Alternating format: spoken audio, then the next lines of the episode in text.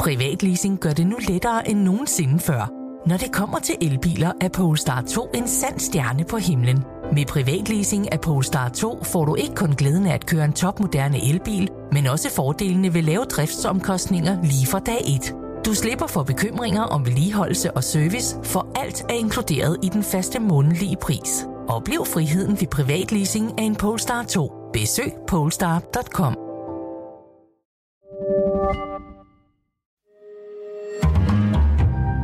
Berlingske. This is Pager. Prøv at fortælle, hvad det er, vi sidder og kigger på. Det vi ser, det er en video af en abe, der sidder inde i et bur. He's learned to interact with a computer. I dens højre hånd, der holder den et joystick, og i den venstre hånd, der har den sådan et sugerør, der stikker ind i munden på den. Og hvad er der i sugerøret? Der er en banansmoothie, Tasty banana smoothie. for det kan makakaber godt lide. Og hvornår får den banansmoothie? Det gør den, når den vinder i sit computerspil.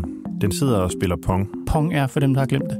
Øh, Pong er et meget gammelt computerspil, hvor man skal styre en catcher ude i den ene side af skærmen, så den kører den op og ned, og så der er en bold, som man spiller over til en anden catcher. Det her er Benjamin Zweigård. Han er læge og forsker ved Aalborg Universitetshospitals neurologiske afdeling. Jeg forsker i, hvordan computere og hjerner kan tale med hinanden. Aben han fortæller om, Pager kan spille computerspillet Pong med tankens kraft, fordi Elon Musk og hans virksomhed Neuralink har indopereret en chip i Pagers hjerne. En chip, som Elon Musk nu også vil plante i menneskehjerner. I mean, ultimately, if you if you want to go with full AI symbiosis, you'll probably want to do something like that. Hvad er det, Elon Musk har gang i? Det taler jeg med Benjamin Zweigård om i dag. Velkommen i Pilestræde. Når jeg kigger på aben og tænker på, at Elon Musk har opereret en chip ind i hovedet på den, så får jeg lidt sådan en følelse af øh, afsky, tror jeg. Eller, der er noget, der man synes, det er lidt ulækkert. Jeg synes, det er lidt uhyggeligt også. Det der med, at der skal ting ind i hjernen. Hvordan reagerer du øh, i forhold til sådan noget? Jeg tror, jeg har arbejdet med det så længe, at, at, at jeg er vant til tanken om, at der skal ting ind i hjernen. Jeg synes ikke, det er ulækkert på nogen måde. Jeg kan, jeg kan være bekymret øh, for langtidskonsekvenserne af det, Mm-hmm. men, men alt sådan noget med blod og splat og slim som læge, så er jeg jo, det er jeg jo hærdet overfor. Hvad er det, Elon Musk vil? Jamen, der er to erklærede mål for Neuralink. Et på den korte bane og et på den lange bane. På den korte bane vil man gerne hjælpe mennesker, som der har sygdomme i centralnervesystemet, altså hjernen øh, og rygmarven. Det er det, vi kalder neurologiske sygdomme. Det er for eksempel ALS, som de fleste kender fra Stephen Hawking, hvor man simpelthen bliver lammet i hele kroppen. Det kalder man også muskelsvind. Så kan det være demenssygdomme. Øh, det kan være rygmarvsskade, hvor patienter, der har været ude for en ulykke, bliver lammet fra brystet eller fra halsen og ned efter. På den lidt kortere bane, så, og det eksisterer allerede nu, der kan patienter, som der er lammet fra hals og ned efter, de kan bruge tankens kraft ved hjælp af computeren til at styre en robotarm.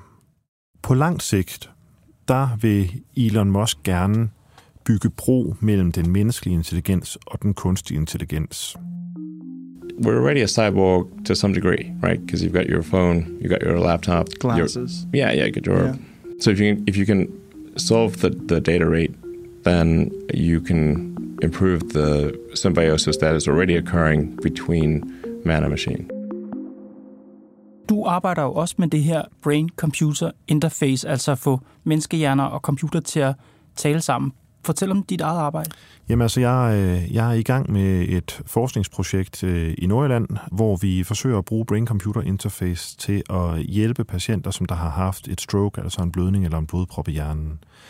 Rigtig mange af de her patienter, de oplever en kraftnedsættelse i armen, der gør, at de ikke længere kan knappe en skjorte, eller spise med kniv og gaffel, eller gå på toilettet uden hjælp. Og det vil vi selvfølgelig gerne hjælpe dem med. Det patienterne gør op hos os, det er, at de får den her badehætte, hvor der sidder et par elektroder i, øh, og så sidder de egentlig og laver en ganske simpel bevægelse i håndledet. Altså de fleste af dem, de har jo stadigvæk lidt muskelkraft tilbage i armen. Så vi beder dem om at enten at tænke på at løfte håndledet hurtigt, eller rent faktisk at gøre det for dem, der stadig har lidt kræfter tilbage. Mm-hmm. Det gør de så 30 gange, og når vi har aflæst hjernens signaler, mens de forsøger på at lave den her bevægelse, så ved vi, hvornår deres hjerne er mest aktiv i at forsøge at lave bevægelsen. Så beder vi dem om at gøre det 30 gange igen, men den her gang giver vi dem en lille smule strøm ned over en af nerverne på armen. Det betyder, at vi hjælper armen med at lave bevægelsen. Vi kan først skabe den her bevægelse ved at sætte strøm til nerven. Og det arbejder hjernen så videre ud fra. Så i jeres patienters tilfælde, der hjælper computeren, kan man sige, med at få forbindelsen mellem hjernen og nervesystemet til at virke ordentligt igen? Ja. Kan du komme med et eksempel på Ja. det her? Den allerførste patient, vi havde igennem, det øh, var en på det tidspunkt 45-årig mand, en øh, skolelærer, meget, meget intelligent mand, som, øh, jeg mener, han var på arbejde den dag, pludselig faldt om med en halvsidig lammelse. Det ene øjeblik, så sad han op, og det næste øjeblik ligger han nede på gulvet, fuldstændig ude af stand til at bruge hele højre side af kroppen. Så den højre arm og det højre ben er fuldstændig lammet. Hans sprogcenter har også været lammet, så han har haft svære ved at formulere sig og svære ved at kalde på hjælp. Og i det hele taget en rigtig forfærdelig oplevelse. Han kom ind på hospitalet, og der lavede vi en hjernescanning, som viste, at han havde en stor blødning inde i hjernen. Og det gjorde blandt andet, at han havde meget svært ved at tale, og han ikke kunne bruge hele sin venstre side. Da jeg så møder ham første gang, det er på det her genoptræningscenter, hvor jeg laver min forskning op i Brønderslev, der sidder han i en kørestol og har meget svært ved at udtrykke sig, og er meget- stadigvæk meget, meget ramt af sin skade. Der er gået cirka tre uger på det tidspunkt.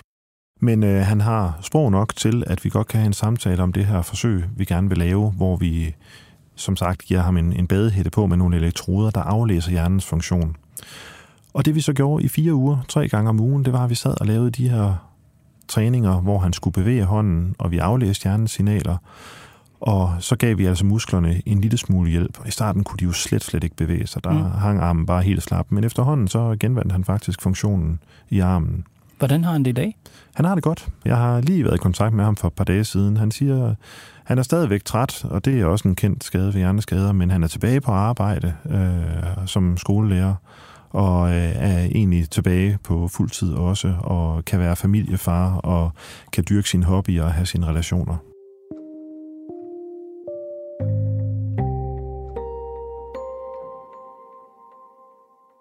Hvad er koblingen mellem Henrik, der får hjælp til at bruge sin hånd igen, og så Elon Musk, der sætter en chip i hjernen på en abe og får den til at spille pong?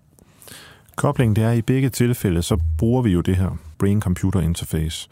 Man vil gerne tage nogle hjernesignaler, altså nogle analoge signaler, nogle nervecellers aktivitet, og lave dem om til 0 og 1'er, som en computer kan forstå. Hjernesignal. Altså, det lyder måske fjollet, men hvordan lyder det? Eller hvordan, kan, man- kan du prøve at beskrive hjernesignalerne? Ja, hvis man forestiller sig en pære, der sidder og blinker, så er den tændt, så er den slukket, så er den tændt. Det er en enkelt nervecellesignal. Hjernen består jo af 86 milliarder nerveceller, der sidder og blinker, og enten så er de aktiveret, eller også så er de ikke aktiveret. Og hvis man så forestiller sig den her ene pære, og så forestiller sig et helt stadion fyldt med pærer, der sidder og blinker og slukker i et til, tilsyneladende tilfældigt mønster, Mm-hmm. så kan man altså på en eller anden måde få information ud af det her blinkende mønster.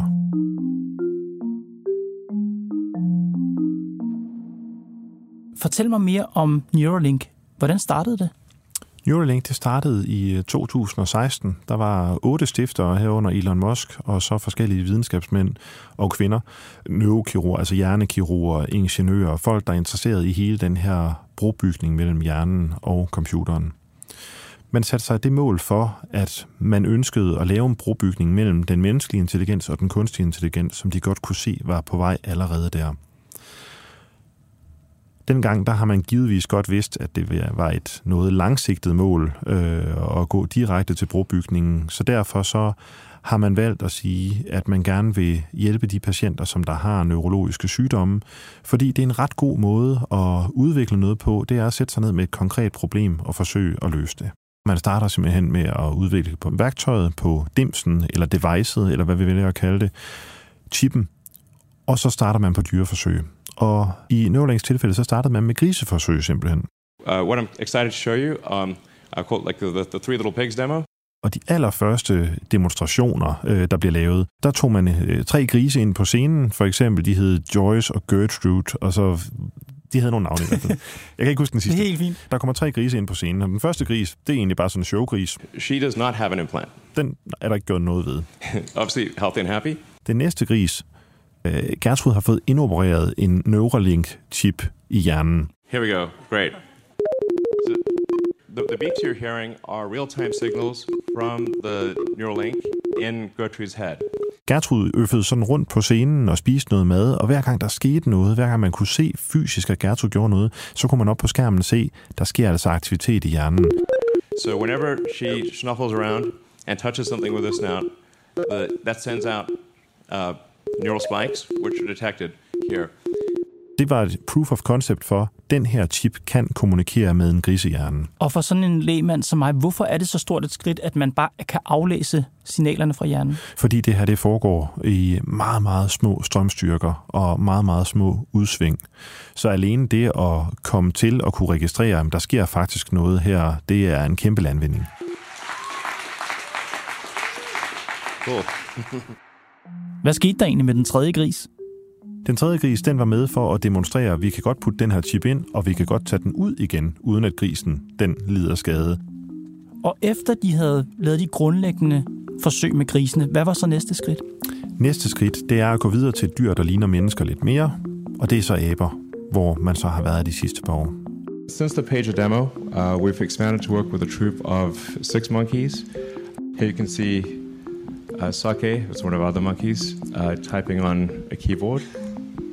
He's moving the cursor with his mind. Hvad er så næste skridt? Næste skridt, og det er grunden til, at vi sidder her i dag, det er, at man vil starte op på menneskeforsøg. Den 19. september, der lavede Neuralink en pressemeddelelse, hvor de sagde, nu vil vi gerne i gang med menneskeforsøg. Elon Musk's brain implant startup Neuralink is recruiting patients for a clinical trial. Nu har de endelig fået lov til at starte på menneskeforsøgene, og derfor så indkalder de forsøgspersoner, som har lyst til at medvirke i det her. The company said that it's looking for patients with quadriplegia because of spinal cord injury or ALS for this trial. Og for de patienter, der vælger at sige, ja, jeg vil sgu gerne lægge hjernen til Elon Musks forsøg, hvad får de ud af det? Hvad, hvad kan de gøre konkret for dem? Jamen altså, hvis, hvis de er rigtig heldige, så, øh, så kan Neuralink-chippen jo gøre, at de ved hjælp af tankens kraft kan styre en robotarm, der kan hjælpe dem med deres dagligdags gøremål. Eller bare styre en computer? Også det. It could, in principle, fix almost anything that is wrong with the brain. Um, and it, it could, it could um, restore uh, limb functionalities. Wow. Yeah. Prøv at fortælle helt konkret, hvad er det, de sætter ind i hjernen? Man skal forestille sig, at man har en, øh, en lille metalskive på størrelse med en femmer cirka. Og inde i midten af den her metalskive, der er der en lille firkant, og fra den her firkant, der sidder 64 tråde, som har 16 elektroder hver, altså over 1000 elektroder i alt, der hænger og blafrer. Like tiny Just wires, basically. Tiny wires. Tiny wires. And So how the- long will these wires be? Uh, I mean, they usually go in like, you know, two or three millimeters. Trådene, de skal ind i hjernen på en måde. Og de her tråde, de er så fine, at det er der ikke nogen menneskelig kirurg, der kan gøre. Så man bruger en hjernekirurg til at fjerne knoglepladen, men så for at få trådene ind i hjernen, der hvor de skal sidde, der skal man bruge en robot. Prøv at fortælle det, så lytterne kan se det for sig. Ja. Man skal forestille sig, at man kommer ind på en operationsstue og kigger på det her setup. På den ene side, så står der læger og sygeplejersker, narkose og alle de ting, man kender fra en almindelig operationsstue. Og så på den anden side står der sådan en, en, en mandshøj, hvid robot med en lang arm. Og for enden af den her lange arm, der sidder der, hvad der ligner sådan en miniatyr symaskine. Altså det ligner næsten noget fra en science fiction film. Og den her symaskine, den har en nål, der også er noget tyndere end et menneskehår faktisk. Øh, 40-60 mikrometer. Og den her nål, den kan så med meget, meget høj præcision gå ind og se, hvor kan jeg sætte en tråd, så jeg ikke kommer i kampolage med et mikroskopisk blodkar. Mm-hmm. Så man kommer til at skade hjernen. Ja, præcis. You, you, stitch up the, the hole and, and um, you just have a little, like a little scar, and that's it. Hvorfor kan de ikke bare sætte elektroder uden på hovedet, ligesom du gør? Fordi signalvejen den så bliver for dårlig. Der er simpelthen for meget modstand, der er for meget støj, der er knogle, hud, blodkar, hår for den sags skyld, og forskellige væske, som man som signalet skal trække, trænge igennem. Og det giver simpelthen for meget støj på linjen til, at man kan bruge signalet med den præcision, som Elon Musk har brug for til det, han gerne vil lave. Tror du, det vil lykkes for Neuralink at hjælpe folk med lammelser ved at sætte sådan en chip i hovedet på dem? Ja, det tror jeg helt bestemt. Det er ikke science fiction. Nej, det er det bestemt ikke. Men Benjamin, Elon Musk er jo også klar i spyttet. Altså, mm. at sætte hjernechip i patienter med rygmarvsskader, det er nærmest bare en slags... Det lyder nærmest som en form for øvelse hen mod hans endemål. Hans endemål på den lange bane er, at han vil lave en fuldstændig opkobling mellem menneskehjerner og computer. Hvad kræver det? Altså, hvor langt er der fra at lære at sidde med tankens kraft og spille pong, og så den her fuldstændige forbindelse, som Elon Musk drømmer om? Det kræver båndbredde og det er det, de arbejder på. Det, problemet det er, at lige nu, når man har en æbe, der kan sidde og spille pong, eller, eller en patient, der kan styre en mus, det kan man gøre med få af det, vi kalder bits i sekundet. Det er ikke særlig meget information, der skal frem og tilbage. Men lad os sige, at vi går 25 år ud i fremtiden, og jeg har en Neuralink, og jeg vil gerne vil bruge den til at føre en samtale med dig. Så er det meget mere information, der skal igennem og den her båndbredde, det er den, man skal arbejde på. Så kan vi ikke klare os, tror jeg, med 1024 elektroder, som der er sat ned lidt på må at få af en robotsymaskine. Så kræver det mere båndbredde, en større informationshastighed og et større informationsflow. De her forsøg er jo, som du siger, en chip, man sætter ned et bestemt sted på hovedet, bruger et lille stykke af kraniet væk og sætter 64 mikroskopiske tråd fast der. Men hvis man skal lave den fulde opkobling, som Elon Musk, den fuldstændige bro mellem hjernen og den øh, hvad hedder det, kunstig intelligens, er det så hele hjerneskallen, der skal væk, fordi vi skal have tråd ind alle steder på hjernen? Det kunne man godt forestille sig, og nu bliver det jo meget science fiction-agtigt, men hvis man, skal, hvis man skal have en chip til at snakke med motorområderne, der styrer arm og ben, jamen så kan man gøre det der, men hvis man skal have en chip til at snakke med en sprogområde, så skal man finde ud af, hvor sprogområderne ligger hen i hjernen. Og hvis man skal have en chip, der går ind og regulerer på søvn og sult og frygt og nogle mere basale menneskelige ting, så skal man langt dybere ind i hjernen, og så er det ikke tilstrækkeligt med overfladen. Og der, der tror jeg, man løber ind i et problem. Det lyder enormt svært, det her, Benjamin. Det kan godt være, at de kan det, det du kalder simpel i starten, altså at man med tankens kraft kan få en computer til at gøre et eller andet. Men den totale opkobling, eller den her bro mellem menneskelig intelligens og kunstig intelligens, som Elon Musk drømmer om, hvor langt ud i fremtiden ligger det, hvis det er overhovedet muligt? Som forsker, så kan jeg ikke lide at spå om fremtiden. Men det, jeg kan sige, det er, at for fem år siden, så var der ingen, der havde drømt om, at kunstig intelligens kunne sidde og lave kunst, for eksempel, eller skrive romaner, som de er i gang med nu. Så øh, det bedste svar, jeg kan give dig, det er, at jeg tror, det kommer, før vi lige regner med. Jeg giver det, jeg giver det 5-10 år, før det her det er, øh, det, det er en realitet, som vi også ser i Danmark. Du kan ikke lige spå om fremtiden. Alligevel siger du, det her det er måske, hvem ved, det kan være der noget, der allerede ligger fem år ude i fremtiden, at Elon Musk og hans firma Neuralink kan lave en fuldstændig opkobling mellem en menneskehjerne og ja, kunstig intelligens, eller internettet, eller computerne derude. Hvilke konsekvenser vil det få, tror du? For at kunne svare på det, så tror jeg, vi skal se bagud. Fordi det her, det er en, det er en stor landvinding. Altså både den kunstige intelligens, men også den direkte opkobling. Så hvis vi kigger bagud, så kan vi spørge os selv, hvad gjorde elektriciteten for, hvad det vil sige at være menneske? Hvad gjorde internettet for, hvad det vil sige at være menneske? Vi får hurtigere adgang til informationer, og vi får også hurtigere adgang til at kunne analysere informationer. Så hvis Elon Musk gør det her rigtigt, så kan vi forbedre i gåseøjne os selv med den kunstige intelligens og simpelthen nå længere som art. You, you literally could fundamentally change the way human yeah. beings interface with each other. Yes. Yes. You wouldn't need to talk. I'm so scared of that, but so excited about it at the same time. Is that weird? Yeah, I mean, the, the I think this is one of the paths to full AI symbiosis. Det lyder også lidt uhyggeligt, synes jeg. Ja, det gør det. Og det er også derfor, jeg synes, man skal passe lidt på med hvad man lige sætter kommercielt i handelen. Altså alt det, vi kan gøre med teknologien for at hjælpe vores patienter, det skal vi gøre. Men det der med frivilligt at få indopereret en chip i hjernen, så jeg i gåsøjne hurtigere kan kigge på kattevideoer eller sådan noget, det tror jeg for det første ikke er alle mennesker, der har lyst til, og for det andet, så er det heller ikke alle mennesker, der har råd til det. Så derfor så skal vi også passe på, at teknologien ikke kommer til at skabe et A-hold og et B-hold af mennesker. Men det du beskriver for mig nu, skal jeg simpelthen forestille mig, at den her chip på et eller andet tidspunkt være i stand til, at alt det, jeg lige nu gør, når jeg søger på min computer, eller sidder med min iPhone, eller kigger på min tv-skærm, eller tager headset på og lytter til musik, alle de ting kan jeg faktisk bare fremkalde ind i min hjerne ved at tænke på det. Jeg kan se en film fra mit indre blik, jeg kan høre musik fra mit indre øre, jeg kunne tale med dig uden at åbne munden. Alt det her, jeg kan gøre det uden at min krop på nogen måde gør noget. Ja, sagtens. Måske ikke lige 5, 10, øh, om 5-10 år, fordi nogle af de ting, du beskriver, det kræver meget mere teknologi. Men det der med lige at fyre en e-mail afsted, øh, det, det, det, det tror jeg godt, vi kan om 5-10 år.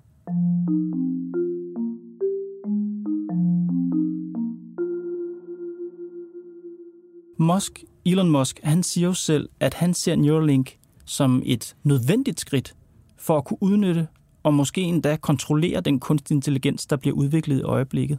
Hvad mener han med det?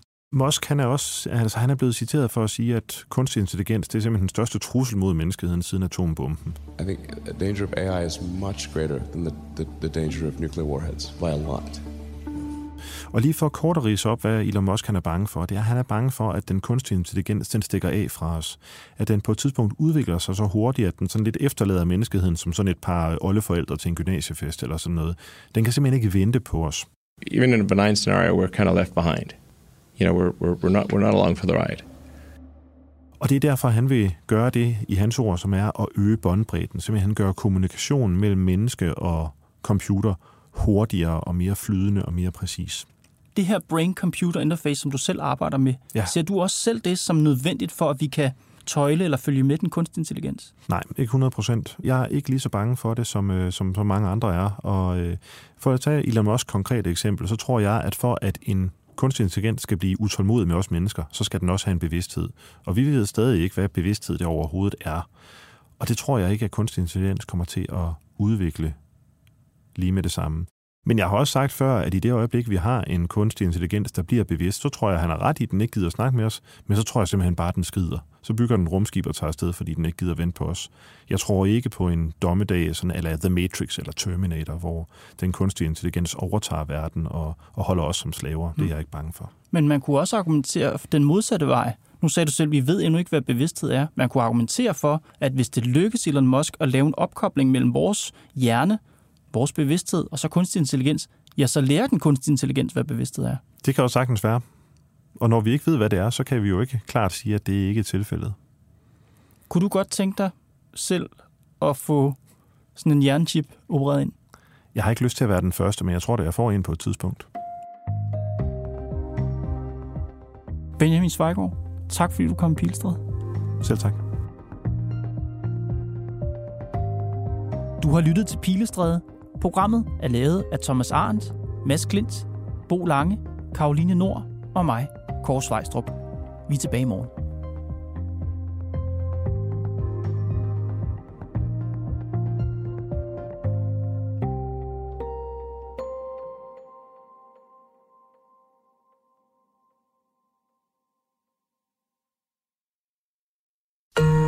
Podcasten er sponsoreret af EGN. Bliv en del af en professionel netværksgruppe med folk, der forstår dig. De kan hjælpe og inspirere dig gennem dit arbejdsliv, så du hurtigere finder de gode løsninger. Find dit nye netværk på ign.dk.